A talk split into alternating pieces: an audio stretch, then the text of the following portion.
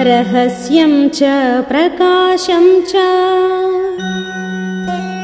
यद्वृत्तं तस्य धीमतः रामस्य सह सौमित्रे